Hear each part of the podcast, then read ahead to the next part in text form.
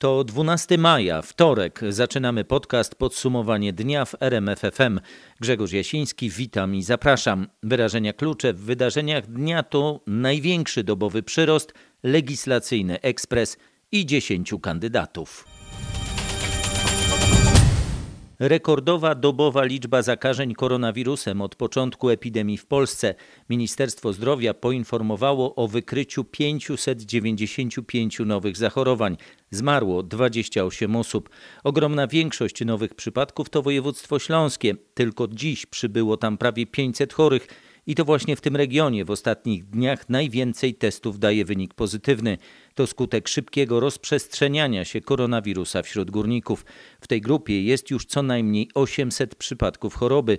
Wśród górników i ich rodzin wykonywane są testy przesiewowe. Do jutra ma ich zostać przeprowadzonych 15 tysięcy.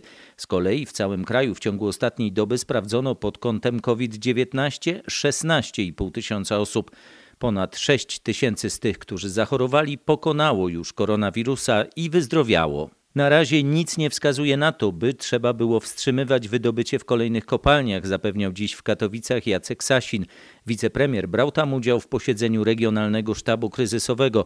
W tej chwili z powodu zakażenia koronawirusem na Śląsku czasowo wstrzymane jest wydobycie w pięciu kopalniach. Jeśli się okaże, że w którejś z kolejnych kopań, oby nie, ale jeśli się okaże, że w którejś z kolejnych kopań, które dzisiaj normalnie pracują, e, dojdzie do wybuchu e, sytuacji epidemicznej, czyli będzie to ognisko e, choroby, to trzeba będzie podejmować decyzje analogiczne do tych, które zostały podjęte w przypadku tych kopań, które dzisiaj nie pracują. Ale dzisiaj nie potrafię ani ja tego przewidzieć, ani nic dzisiaj nie wskazuje na to, aby tego typu sytuacje mogły mieć miejsce. Ministerstwo Zdrowia nie wyklucza zastosowania wobec Śląska ograniczeń w poruszaniu się albo spowolnienia w rozluźnianiu obostrzeń, mówi wiceminister Janusz Cieszyński i podkreśla, że wciąż nie ma jednoznacznych wskazań do zaostrzenia rygorów w tym regionie.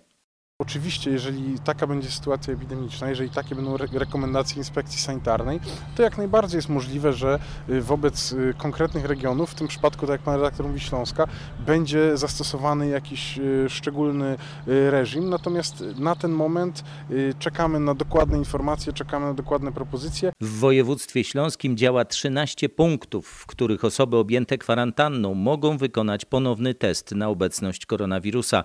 Część z nich to jednoimienne szpitale zakaźne lub szpitale z oddziałami zakaźnymi.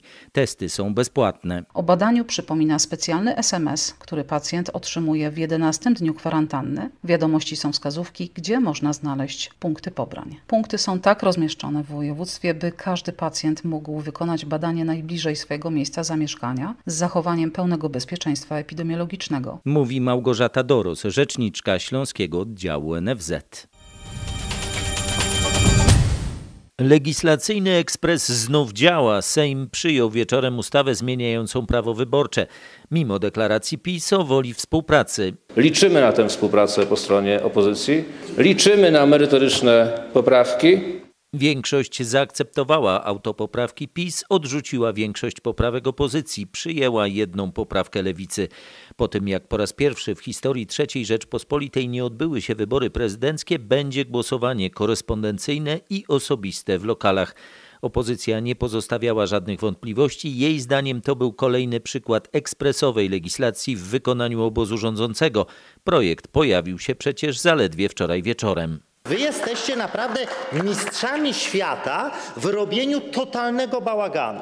Wy jesteście nie tylko totalną władzą, ale, tylko, ale jeszcze do tego totalnym chaosem. Mówił szef Platformy Obywatelskiej Borys Budka. Koalicja rządząca nie pozostawała dłużna. Państwo macie jedną chorobę. Ja nie jestem psychiatrą, ale ona jest rzeczywiście, ona musi być opisana. Ta choroba nazywa się kaczyńskofobia. Odpowiadał Przemysław Czarnek z PiSu. Cała opozycja wyrażała oburzenie trybem pracy nad nowymi przepisami wyborczymi. To może być mecz, w którym gracze nie wiedzą, jak długo potrwa spotkanie, alarmowali posłowie partii opozycyjnych. Partia rządząca nie jest zainteresowana wspólną pracą z opozycją, wytykał Krzysztof Gawkowski z Lewicy. Mamy tryb 12-godzinny, w którym bez konsultacji politycznych, bez trybu takiej konsultacji społecznej, a już na pewno w ciągu 12 godzin mamy przyjmować ustawę. Katarzyna Lubnauer z Koalicji Obywatelskiej zwracała uwagę na przepisy, które umożliwiają marszałek Sejmu w porozumieniu z ministrem zdrowia zmianę terminów czynności wyborczych. To jej zdaniem grozi manipulowaniem przebiegiem wyborów. Czyli możemy sobie wyobrazić sytuację, w której marszałek Witek patrząc na spadające sondaże e, prezydenta Andrzeja Dudy przyspiesza wybory, Opozycyjni posłowie krytykowali szybkość prac już na sali sejmowej. Dlaczego to robicie? Dlaczego tekst ustawy, która miała naprawić sytuację, jest wrzucany na stronę Sejmu wczoraj w nocy, a głosowany dzisiaj w południe? Mówiła Kamila Gasiuk-Pichowicz. Władysław Kosiniak-Kamysz dodawał do tego bardziej szczegółowe zarzuty. Dlaczego tylko chcecie trzy dni na protesty wyborcze? 14 dni to jest aż tak dużo? Trzy dni? Boicie się, że e, będą nasi rodacy protestować, jeżeli będą mieli poczucie niesprawiedliwości? Prawo i Sprawiedliwość twierdzi natomiast, że przygotowało taki projekt, jakiego żądała opozycja, która zresztą złożyła już do niego poprawki. Po interwencji dziennikarzy RMFFM Prawo i Sprawiedliwość samo zmieniło projekt ustawy o zasadach przeprowadzania nowych wyborów prezydenckich. Osoby przebywające na kwarantannie dostaną więcej czasu na zgłoszenie potrzeby głosowania korespondencyjnego. Bez tej zmiany kilkadziesiąt tysięcy osób mogłoby stracić prawo udziału w wyborach. Na czym polegał problem? Na tym, jak mają głosować osoby w kwarantannie, projektowana ustawa mówi, że w nowych wyborach prezydenckich można głosować albo tradycyjnie, idąc do lokalu, albo listownie. O, wiadomo, ludzie objęci kwarantanną z domu nie wyjdą, więc na pięć dni przed wyborami muszą zgłosić chęć głosowania korespondencyjnego. Gdy rano pytaliśmy, a co z osobami, które trafią do kwarantanny na 4, 3 albo 2 dni wcześniej, no to na przykład od odpowiadającego za projekt ustawy ministra Łukasza Schreibera słyszeliśmy. No, no to, to niestety, no, no to niestety. No. Niestety nie da się zagłosować. Po naszych kolejnych sygnałach PiS zdecydował, że skróci ten termin i zamiast na 5 dni przed głosowaniem wystarczy, że osoby w kwarantannie zgłoszą chęć głosowania korespondencyjnego na 2 dni przed wyborami. To przynajmniej częściowo rozwiązuje problem ludzi wykluczonych z głosowania. Sprawą zajmował się Krzysztof Berenda. Wśród innych poprawek cztery od ministra zdrowia. Jedna z nich zakłada, że będzie on miał możliwość arbitralnego zarządzenia w całości korespondencyjnych wyborów w gminach, gdzie sytuacja epidemiczna będzie niepokojąca. Platformie Obywatelskiej trwa burzliwa dyskusja nad wymianą kandydata na prezydenta. Choć ostateczna decyzja jeszcze nie zapadła, to w tej chwili przeważają głosy, że Małgorzata Kidawa-Błońska nie wystartuje ponownie w wyścigu o fotel prezydenta. Od czego będzie zależała ostateczna decyzja władz PO, o tym Patryk Michalski. Skuteczność operacji wymiana kandydata będzie zależała m.in. od kalendarza wyborczego, który marszałek Sejmu ogłosi wraz z wyznaczeniem daty nowego głosowania. Z moich nieoficjalnych informacji wynika, że duży wpływ na ostateczną decyzję będzie miało to, ile czasu na zebranie 100 tysięcy podpisów będą mieli nowi kandydaci. Władze PO zakładają, że może się to udać, jeśli będą mieli około tygodnia. Operacja będzie niemożliwa, jeśli okaże się, że ten czas będzie ograniczony do dwóch, trzech dni. Nowy kandydat to duże wyzwanie także pod względem finansowym, bo według najnowszego projektu ustawy PiS nowi kandydaci mogą wykorzystać tylko połowę ustawowego limitu na kampanię, czyli nieco ponad 9 milionów złotych. Radosław Sikorski albo Rafał Trzaskowski to najczęściej typowani przez polityków Platformy Obywatelskiej ewentualni nowi kandydaci PO w wyborach prezydenckich. Informuje reporter RMFFM Patryk Michalski. Jest duża szansa, że w drugiej turze Władysław Kosiniak-Kamysz wygra z Andrzejem Dudą. Takie polityczne scenariusze snuł o poranku gość Roberta Mazurka w RMFFM, Władysław Teofil Bartoszewski, poseł PSL Koalicji Polskiej. Jak się przyjrzeć e, realnie programom e, kandydatów, to, e, to widać, gdzie jest coś do zaoferowania szerokiej rzeszy ludności. Chcę pan powiedzieć, że Hołownia ma do zaoferowania tylko świetny wizerunek i medialne sztuczki? Pan kandydat Hołownia jest osobą bez żadnego doświadczenia politycznego, e, bez żadnego doświadczenia publicznego a, i oczywiście bardzo znany e, medialnie. No to, to pomaga, jeśli chodzi o kreowanie wizerunku. Cała rozmowa jest na rmf24.pl.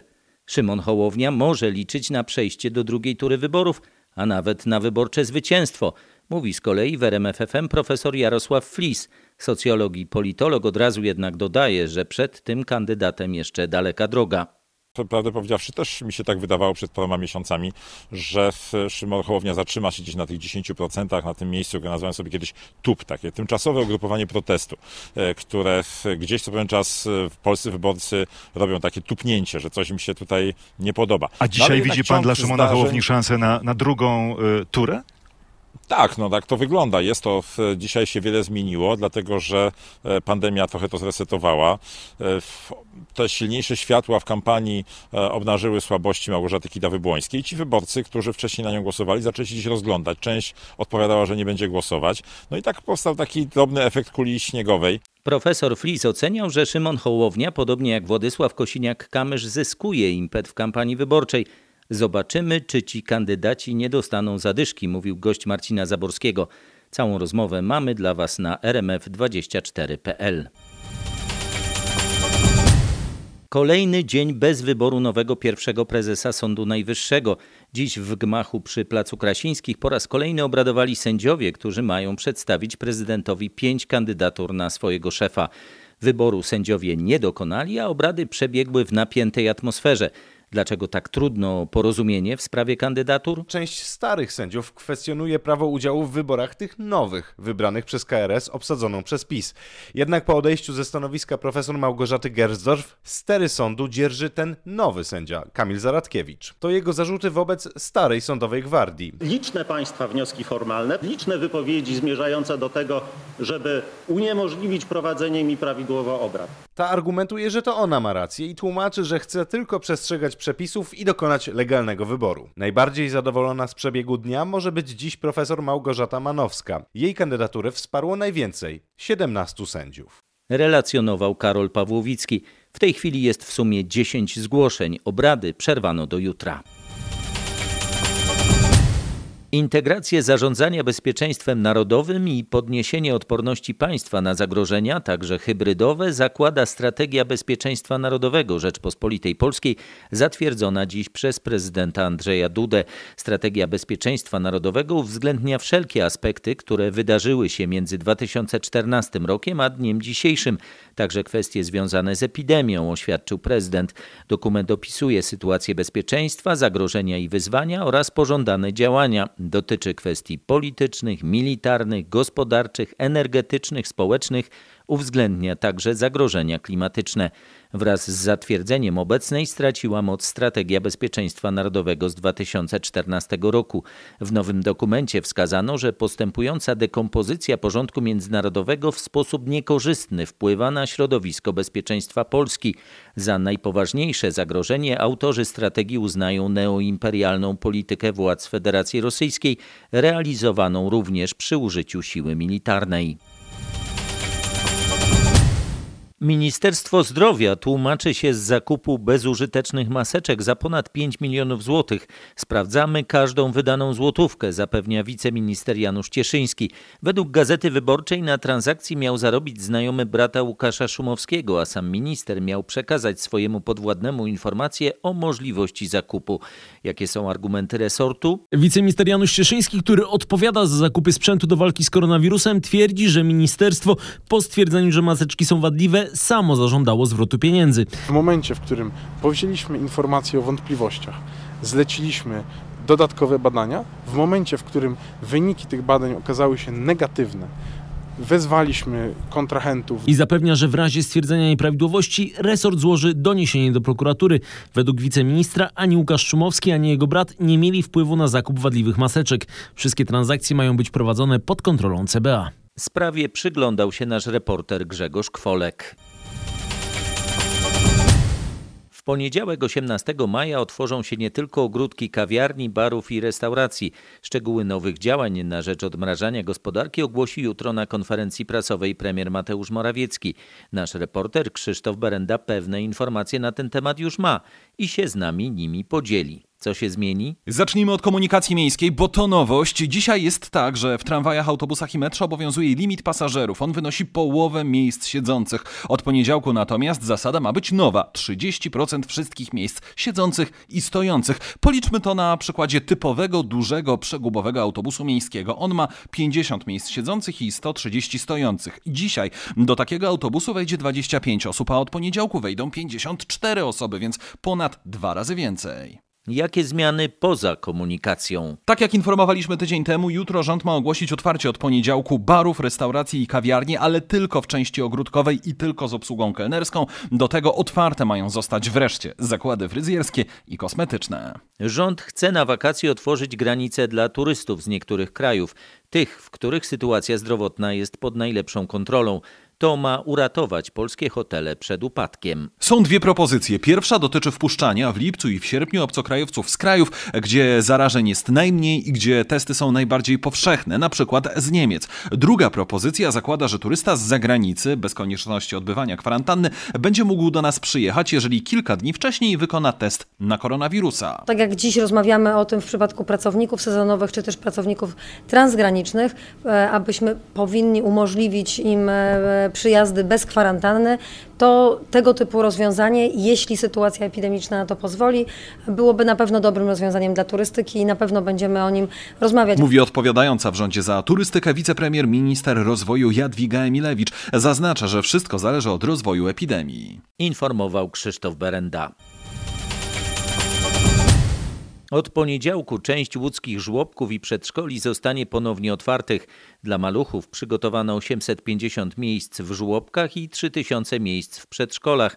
Prezydent Łodzi Hanna Zdanowska zdecydowała o przebadaniu całej kadry tych placówek. Przeprowadzimy sami testy wszystkim pracownikom, którzy będą mieli bezpośredni kontakt z dziećmi, którzy rozpoczną pracę z tymi dziećmi.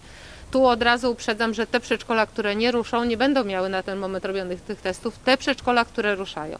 Te przedszkola zostaną wszyscy przebadani tak zwanymi testami przesiewowymi. To są szybkie testy, które dadzą nam wiedzę, czy jest jakieś ryzyko. Chęć skorzystania z przedszkolnej i żłobkowej opieki zadeklarowało około 25% rodziców łódzkich dzieci. Ośrodki okulistyczne wznawiają planowe operacje zaćmy. Będą się odbywać według rekomendacji GIS-u i konsultanta krajowego oraz Europejskiego Towarzystwa Chirurgii Zaćmy i Chirurgii Refrakcyjnej. Ze względów bezpieczeństwa na początek będzie to 50% liczby sprzed koronawirusa. Jeśli warunki na to pozwolą, oczywiście te liczby będą zwiększane. Reżim sanitarny polega na tym, że e, raz, że jest e, mniej tych zabiegów, czyli dokładne dezynfekowanie sali pomiędzy pacjentami. To jest właśnie dokładnie to. Jest odpowiedni odstęp między osobami. Musimy e, wszystkie procedury sanitarne odpowiednio przeprowadzić, dezynfekować, czyścić. Zajmuje to więcej czasu, ale to jest oczywiście podyktowane troską o bezpieczeństwo pacjentów i personelu. Mówi reporterowi RMFFM Krzysztofowi Kotowi profesor Robert Rejdak. Cała rozmowa na portalu Twoje zdrowie rmf24.pl. Gdańsk będzie opóźniał realizację niektórych planowanych inwestycji. Wszystko w związku z dużym spadkiem przychodów do miejskiej kasy. Urzędnicy chcą przesunąć na przyszły rok wydatki sięgające około 70 milionów złotych. Jeżeli chodzi o CIT, to w porównaniu do kwietnia zeszłego roku urzędnicy mówią o prawie 90% spadku i 40 milionach złotych mniej w budżecie miasta. Wpływy z PIT to spadek prawie o połowę i też ponad 40 milionów złotych mniej. Do tego mniejsze wpływy ze sprzedaży biletów komunikacji miejskiej czy na przykład najmu lokali dla przedsiębiorców, bo stawki obniżono im do złotówki. Nie planujemy rezygnacji z inwestycji. Część inwestycji przesuwamy na przyszły rok. Mówiła dziś skarbnik miasta Gdańska Izabela Kuś. Przesunięte mają zostać wstępnie inwestycje warte około 70 milionów złotych. Miasto rezygnuje też chociażby z organizacji niektórych konkursów, a pieniądze zaoszczędzone na zimowym utrzymaniu dróg na razie nie będą przeznaczane na ich bieżącą naprawę. Relacjonował reporter RMFFM Kuba Kaługa. Profesor Jacek Popiel został wybrany 306. rektorem Uniwersytetu Jagiellońskiego w Krakowie. Przez ostatnich 8 lat pełnił funkcję prorektora do spraw polityki kadrowej i finansowej tej uczelni. Wybór rektora odbył się w 656. rocznicę założenia tej najstarszej polskiej uczelni. Musimy przygotować uczelnię na nowe czasy, mówi profesor Popiel. Myślę, że to jest wielkie wyróżnienie, ale zarazem wielki obowiązek w momencie, kiedy jesteśmy w bardzo szczególnym czasie. To, co jest najistotniejsze w tej chwili, żeby zabezpieczyć wszystkim pracownikom, studentom i doktorantom bezpieczeństwo, zarówno gdy chodzi o badania naukowe, dydaktykę, jak i organizację życia akademickiego. Profesor Popiel zastąpi na stanowisku rektora profesora Wojciecha Nowaka, którego kadencja kończy się w sierpniu. Szczegóły odmrażania gospodarki budzą kontrowersje w różnych krajach. Coraz większy rozłam na ten temat widać między rządem Wielkiej Brytanii a regionalnymi administracjami Walii, Szkocji i Irlandii Północnej. Podobnie było z Brexitem, ale tym razem sprawa jest o wiele bardziej poważna. Zalecenia brytyjskiego rządu, by zacząć uczęszczać do pracy, spotkały się z ostrą krytyką Cardiff, Edynburga i Belfastu. Mieszkańcy tych regionów nadal pozostają w domach. Doszło nawet do wydania kuriozalnych komunikatów, na przykład ostrzegających Anglików przed wjazdem do Walii. Jak zauważają komentatorzy, koronawirus obnażył nie tylko brak przygotowania Wielkiej Brytanii na nadejście pandemii, ale także wewnętrzne podziały. Regionalne władze mają prawo ustalać własne obostrzenia, ale brak jednolitej strategii w walce z koronawirusem sprawił, że na wizerunku Zjednoczonego Królestwa pojawiły się kolejne napięcia i rysy. O szczegółach tych kontrowersji mówił z Londynu nasz korespondent Bogdan Frymorgan. Miało być wspólne unijne wychodzenie z ograniczeń koronawirusowych, a nawet sąsiadujące ze sobą kraje Beneluxu mają odmienne podejście. Jak donosi nasza korespondentka w Brukseli, Holandia szybciej od Belgii znosi ograniczenia, chociaż najwcześniej restrykcje zaczął znosić Luksemburg. Holendrzy mogą się od dzisiaj spotykać maksymalnie z dziesięcioma osobami, Belgowie tylko z czterema. Od dzisiaj Holendrzy mogą pójść do fryzjera, Belgowie będą musieli poczekać co najmniej do 18 maja. Szkoły podstawowe w Holandii zostały otwarte. W Belgii dopiero od przyszłego tygodnia pójdą tylko pierwsze i ostatnie klasy.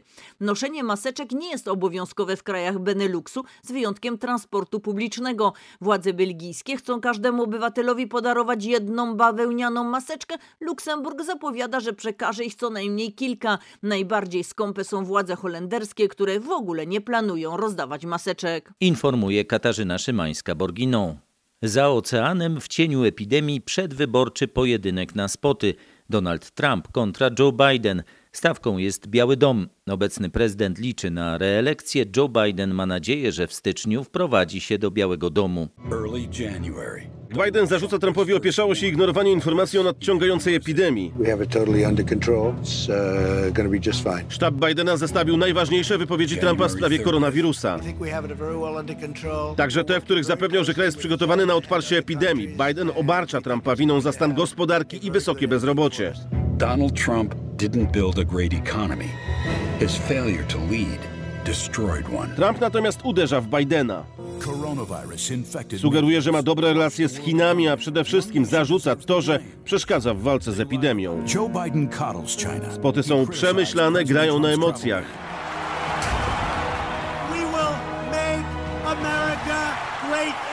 Wszystko podkreślają odpowiednia muzyka i hasła.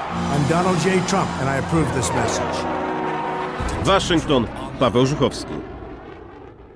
Wybory za oceanem tradycyjnie w pierwszy wtorek po pierwszym poniedziałku listopada.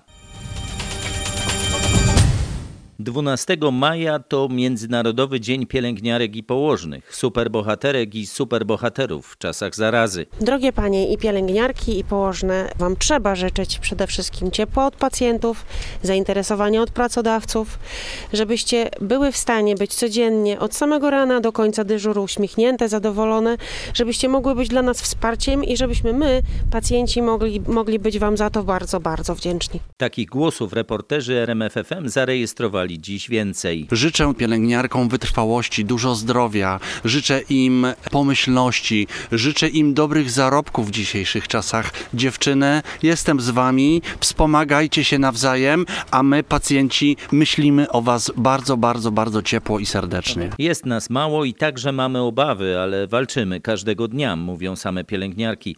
To trudna, wciąż nie przez wszystkich doceniana praca mówi Małgorzata Piątkowska-Kowalska, oddziałowa ginekologii i położnictwa Szpitala imienia Stefana Żeromskiego w Krakowie. Świętujemy w pracy, jest to dla nas normalny dzień pracy i jeszcze jest to święto, które obchodzimy w szczególnych warunkach, więc pod pewnymi obostrzeniami nie zawsze jest to doceniane, jednak wszyscy się boimy. Położne i pielęgniarki też mają dzieci, też mają rodziny. Tylko w szpitalu Żeromskiego brakuje około 200 pracowników, głównie pielęgniarek i położnych. Przebywają albo na kwarantannie, albo na urlopie opiekuńczym. Międzynarodowy Dzień Pielęgniarek i Położnych przypada w bardzo trudnym dla nas wszystkich momencie, gdy walczymy z epidemią koronawirusa. Dziękuję wszystkim pielęgniarkom i położnym, które każdego dnia walczą o zdrowie i życie pacjentów, napisał dziś na Twitterze minister zdrowia Łukasz Szumowski. Sąd okręgowy w Olsztynie uwzględnił zażalenie prokuratora i zastosował tymczasowy areszt dla 29-letniego kierowcy, który 25 kwietnia potrącił w Szczytnie babcie z półtora rocznymi bliźniakami. Jeden z chłopców zmarł. Stopień społecznej szkodliwości czynu jest bardzo wysoki i bardzo realne jest orzeczenie wobec podejrzanego surowej kary pozbawienia wolności. W ocenie sądu ta groźba surowej kary rodzi domniemanie, że podejrzany może podejmować próby bezprawnego e, działania destabilizującego prawidłowy tok postępowania w tej sprawie. Jest to odmienne stanowisko niż e, stanowisko, które przyjął Sąd Rejonowy w Szczytnie. Rzecznik Sądu Okręgowego w Olsztynie, sędzia Olgierd Dąbrowski-Żegalski dodaje, że dzisiejsze postanowienie sądu nie jest prawomocne. Zarzut spowodowania wypadku i ucieczki oraz prowadzenia samochodu mimo sądowego zakazu usłyszał Łukasz B. Ten mężczyzna w niedzielę w Ostrowi Mazowieckiej swoim samochodem śmiertelnie potrącił kobietę na pasach, uderzył w jeden samochód, w którym zginął kierowca i w drugi, w którym ranił matkę z dwójką dzieci. Łukasz B. przyznał się do złamania sądowego zakazu prowadzenia pojazdów, ale jego wersja zdarzenia różni się od wersji śledczych. Złożył takie niejasne, pokrętne wyjaśnienia.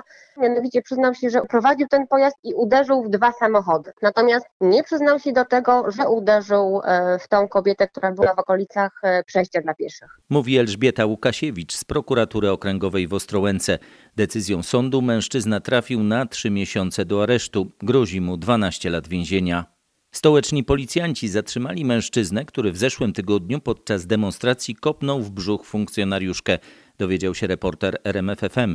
Do zdarzenia doszło w centrum Warszawy w trakcie protestu przedsiębiorców. Kim jest zatrzymany? To człowiek dobrze znany policji. W przeszłości usłyszał już wiele zarzutów, m.in. za groźby karalne, włamania czy znieważanie funkcjonariuszy. Ze wstępnych ustaleń wynika, że na demonstrację przyszedł nie po to, by protestować, ale jak usłyszałem, chciał sprowokować jakieś zajścia z policjantami. Wpadł w powiecie piaseczyńskim koło Warszawy. Jeszcze dziś będzie przesłuchany. Ma usłyszeć zarzut napaści na funkcjonariusza. Relacjonował Krzysztof Zasada. Rolnicy obawiali się suszy, teraz liczą straty po dzisiejszym ataku zimy. O poranku pola przykryte śniegiem były m.in. w Warmińsko-Mazurskiem i Podlaskiem. Chodzi o rzepak w tej chwili kwitnący, to bardzo szkodzi taki opad śniegu, ponieważ ten rzepak jest bardzo delikatny. Zostaną połamane łodygi, połamane kwiaty, nie wiadomo co z pszczołami, bo to też y, nie robi dobrze. No a druga kwestia to są rośliny wszystkie kwitnące, drzewa owocowe, jagodniki. Kiedy będzie wiadomo, e, czy ten śnieg, ten mróz wpłynął na plony? Po kilku dniach okaże się, część roślin się ładnie zregeneruje, pokaże się, że rzeczywiście nic się nie stało, no a część niestety umrze. Z Markiem Popisem, rolnikiem z Podolsztyna, rozmawiał nasz reporter Piotr Bułakowski. Wczoraj niemal lato, a dzisiaj niemal zima. W Zakopanem od rana też sypał śnieg. Nieliczni turyści, którzy postanowili wybrać się na tatrzańskie szlaki, nie kryli, że aura mimo zapowiedzi meteorologów trochę zaskoczyła. No muszę przyznać, że owszem, ponieważ wczoraj na przykład w Krakowie jeździłam na rowerze i było chyba 30 stopni w słońcu. Więc ja wczoraj się opaliłam, a dzisiaj jestem w stroju zimowym, więc no, przeżywam lekki szok, nie powiem, że nie. Aż tak nie, znaczy spodziewaliśmy się śniegu, ale że aż tak będzie to nie.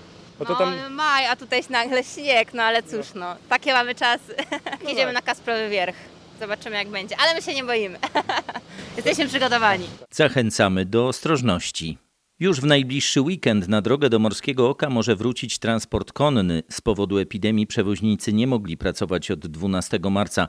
Najpierw z powodu zamknięcia Tatrzańskiego Parku Narodowego, a potem ze względu na inne obostrzenia. Wygląda jednak na to, że za kilka dni wrócą na trasę, choć na nieco innych zasadach. Na podstawie wytycznych Sanepidu po naszych wewnętrznych konsultacjach uznaliśmy, że na wozie może przebywać maksymalnie 8 osób. Dodatkowo wozaków będą obowiązywać dodatkowe restrykcje, jeśli chodzi o dezynfekcję wozów. No oraz między pasażerami siedzącymi po obu stronach wozu będzie musiała być wstawiona przegroda, która dodatkowo ochroni turystów. Tłumaczył dyrektor TPN Szymon Ziobrowski.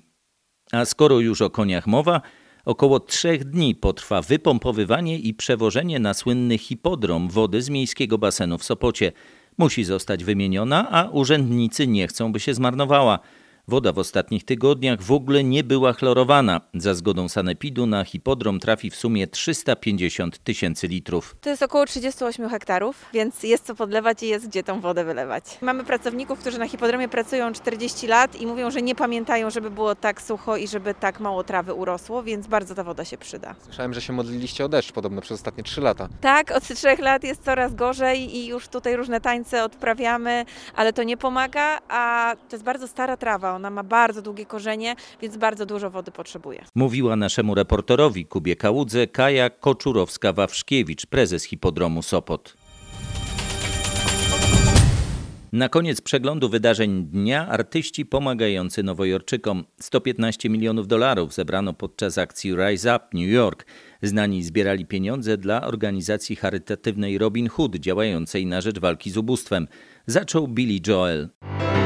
I seen the lights go out on Broadway. Jego występ był transmitowany na pustym Times Square, potem Mariah Carey i Make It Happen. Był też Sting, ale największe emocje wywołał Septet z Idino Menzel w składzie wykonujący szlagier New York, New York. New